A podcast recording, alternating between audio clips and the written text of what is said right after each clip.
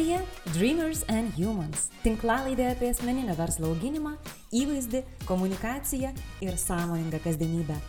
Aš Julija Brodskė, įvaizdžio ir komunikacijos konsultantė bei mokymų vedėja. Esu tam, kad įkvėpčiau dalintis geriausiu, ką turite, o prekės ženklus kurti su žemėlapiu rankoje.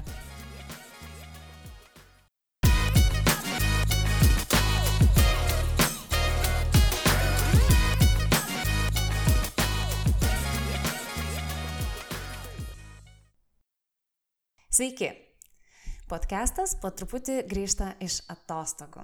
Na, dar nenoriu žadėti jums, kad jisai grįš į savo įprastą ritmą ir susiklausysime kas savaitę, todėl kad, na, patys suprantate, e, laukia plyšauja vasara ir norisi ją iš tikrųjų semti e, saujomis ir gerti tiek, kiek dar beliko ir praturtinti bendravimu su nuostabiai žmonėmis bei buvimu gamtoje.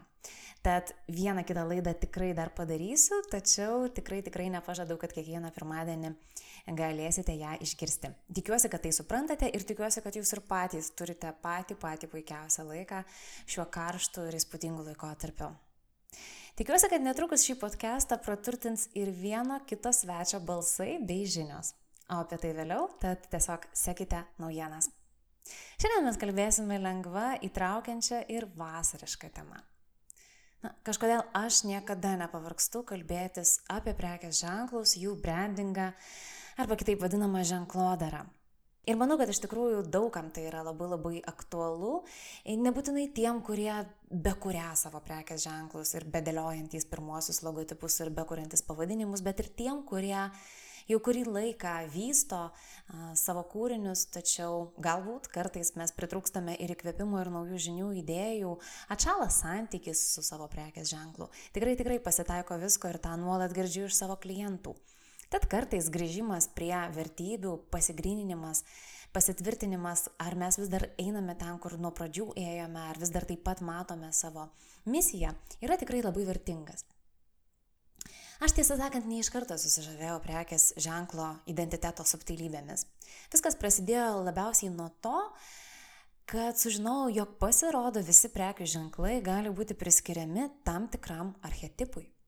Tiesą sakant, tai šiek tiek primena zodiako ženklus. Na, žinot visus tos atvejus, kuomet žmogus sako, o tai koks tu ženklas esi ir kai tu pasakai, kad tu mergelė arba liūtas, tai jam pasidaro nemažai kas aišku ir jis jau pradeda na, dėlioti tam tikrus elgesio modelius ir savybės šį kartą mes ne apie zodiako ženklus, bet apie tai, kad, na, su prekės ženklais gali būti labai panašu. Kartais nepažinodami ir visiškai nieko ne, negirdėję apie konkretų prekės ženklą, tačiau išgirdę, kad jisai pavyzdžiui yra svajotojas arba maištininkas, mes jau galim susidaryti tam tikrą nuomonę apie jį.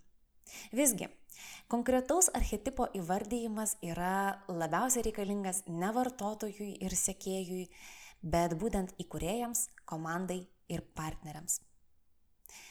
Būtent kuriejams ir brandingo specialistams bei entuziastams noriu įpūsti daugiau žaidimo, įkvėpti prekės ženklo pozicionavimą, kurti ne tik tai tokių formalių klausimų pagalba, bet ir suteikiant jiems veidus, balsus bei charakterius.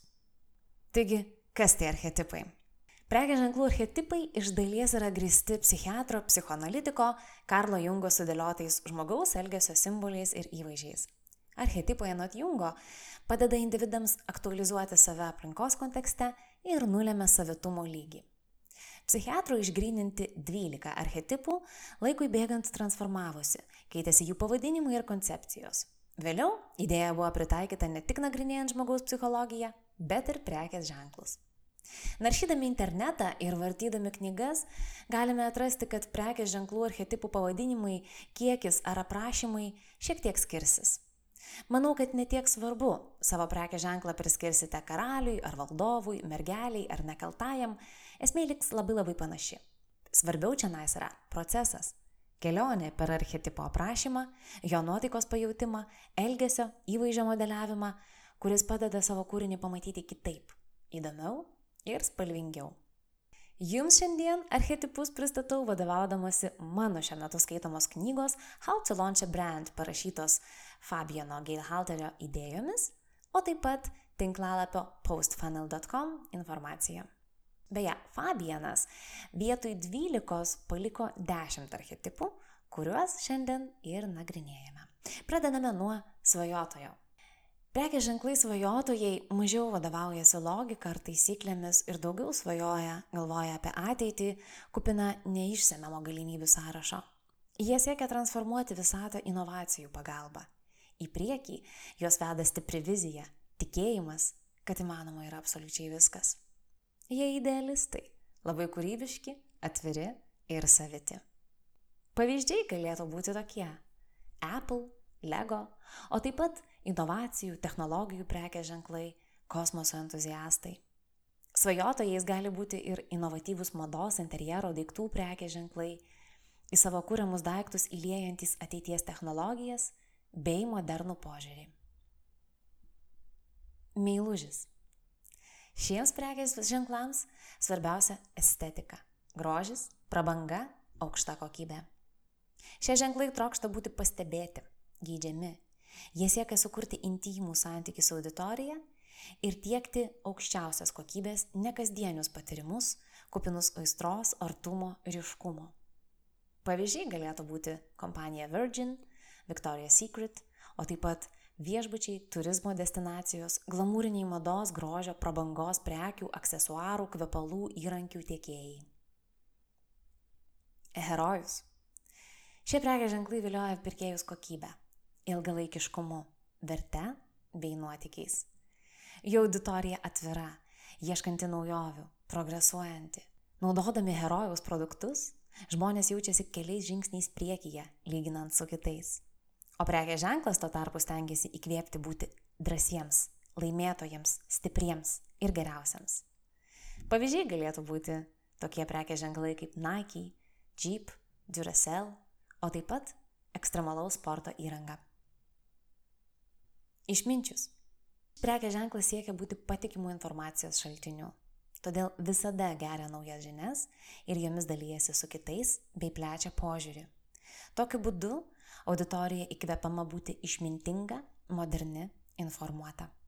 Dažniausiai šis archetipas būdingas patikimiems, protingiems, inteligentiškiems prekės ženklams. Tokiems kaip Tesla, Google, o taip pat įvairūs lektoriai, mentoriai, mokymo įstaigos ir spaudos atstovai. Karalius.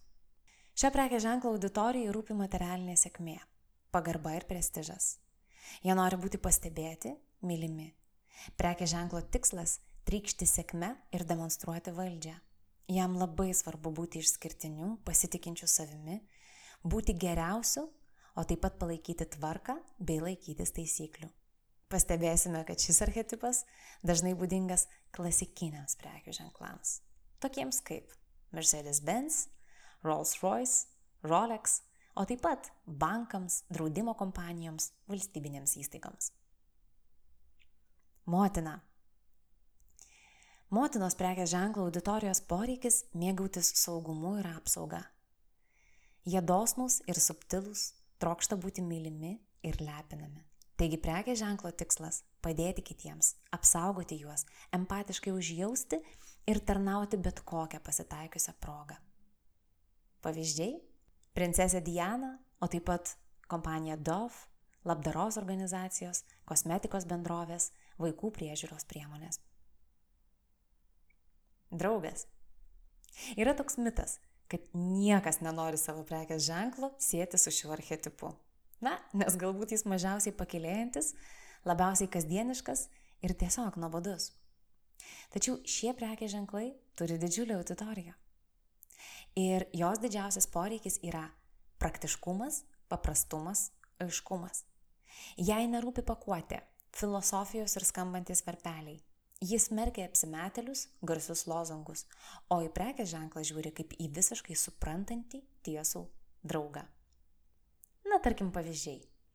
Norfa, Senukai, Homeris Simpsonas, Zapos batai, Batų kalnas ir kiti.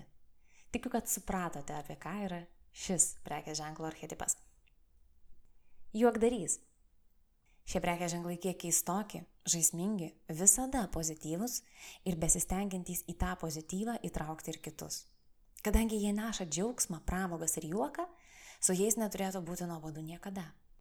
O pavyzdžiai - Doritos, Ben Jerry's, pramogų parkai, ir įstaigos, vaikų prekės, drabužiai, žaislai. Mergelė. Šis prekės ženklas spinduliuoja geranširdiškumą, nuoširdumą, skleidžia optimizmą, laimę, džiaugsmą ir tyrumą. Tačiau skirtingai nei juokdarys, jis nesistengs prajuokinti ar pramogauti kartu. Jam svarbu būti maloniu ir nekaltu, tokiu kaip ir jo auditorija. Pavyzdžiai - Disney, Crayola, o taip pat įvairūs eko ženklai ir parduotuvės, kūdikių, vaikų prekės. Dažnai šiam prekės ženklo archetipui priklauso ir amatininkai, kūrėjai. Maištininkas. Šią auditoriją veža revoliucijos, ėjimas prieš sistemą. Jei šimtas metų perdėta laimė ar nekaltumas. Klientai daro tai, ką nori ir kada nori. Ir žavisi prekės ženklais, laužančiais taisyklės, ignoruojančiais tradicijas. Geriausiai jaučiasi tada, kai oponuoja valdžiai ar normoms.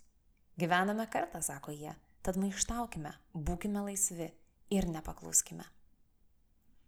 Pavyzdžiai Harley Davidson, Red Bull, o taip pat įvairiausia laisvalaikio įranga, pavyzdžiui, riedlentės, mados prekių ženklai, autoprekės, o kartais menininkai bei kuriejai. Štai ir viskas. Sąrašą baigiame. Tikiu, kad beklausydami galvojate, hmm, tai kuriam archetipui priklauso mano prekės ženklas, mano kliento prekės ženklas arba įmonė, kurioje dirbu. Atkreipiu dėmesį, ne visais atvejais prekės ženklas priklausys vienam archetipui. Juose dažnai galime atrasti dviejų ar net trijų archetipų požymių. Tokiais atvejais svarbu išsigryninti, kuris yra vyraujantis, o kurie jį papildo. Jeigu jums smalsu išsameu pasinagrinėti savo prekės ženklą šiuo aspektu, rašykite man, pasidarysime analizę. O šiam kartui tiek. Dėkoju, kad klausėte Kviečiu komentuoti, dalintis išvalgomis mano Instagram paskyroje Julija Brodskė arba Facebook puslapyje Julija Brodskė dreamersandhumans.lt. Būkime svajotojais, kurie veikia. Gražios jums vasaros.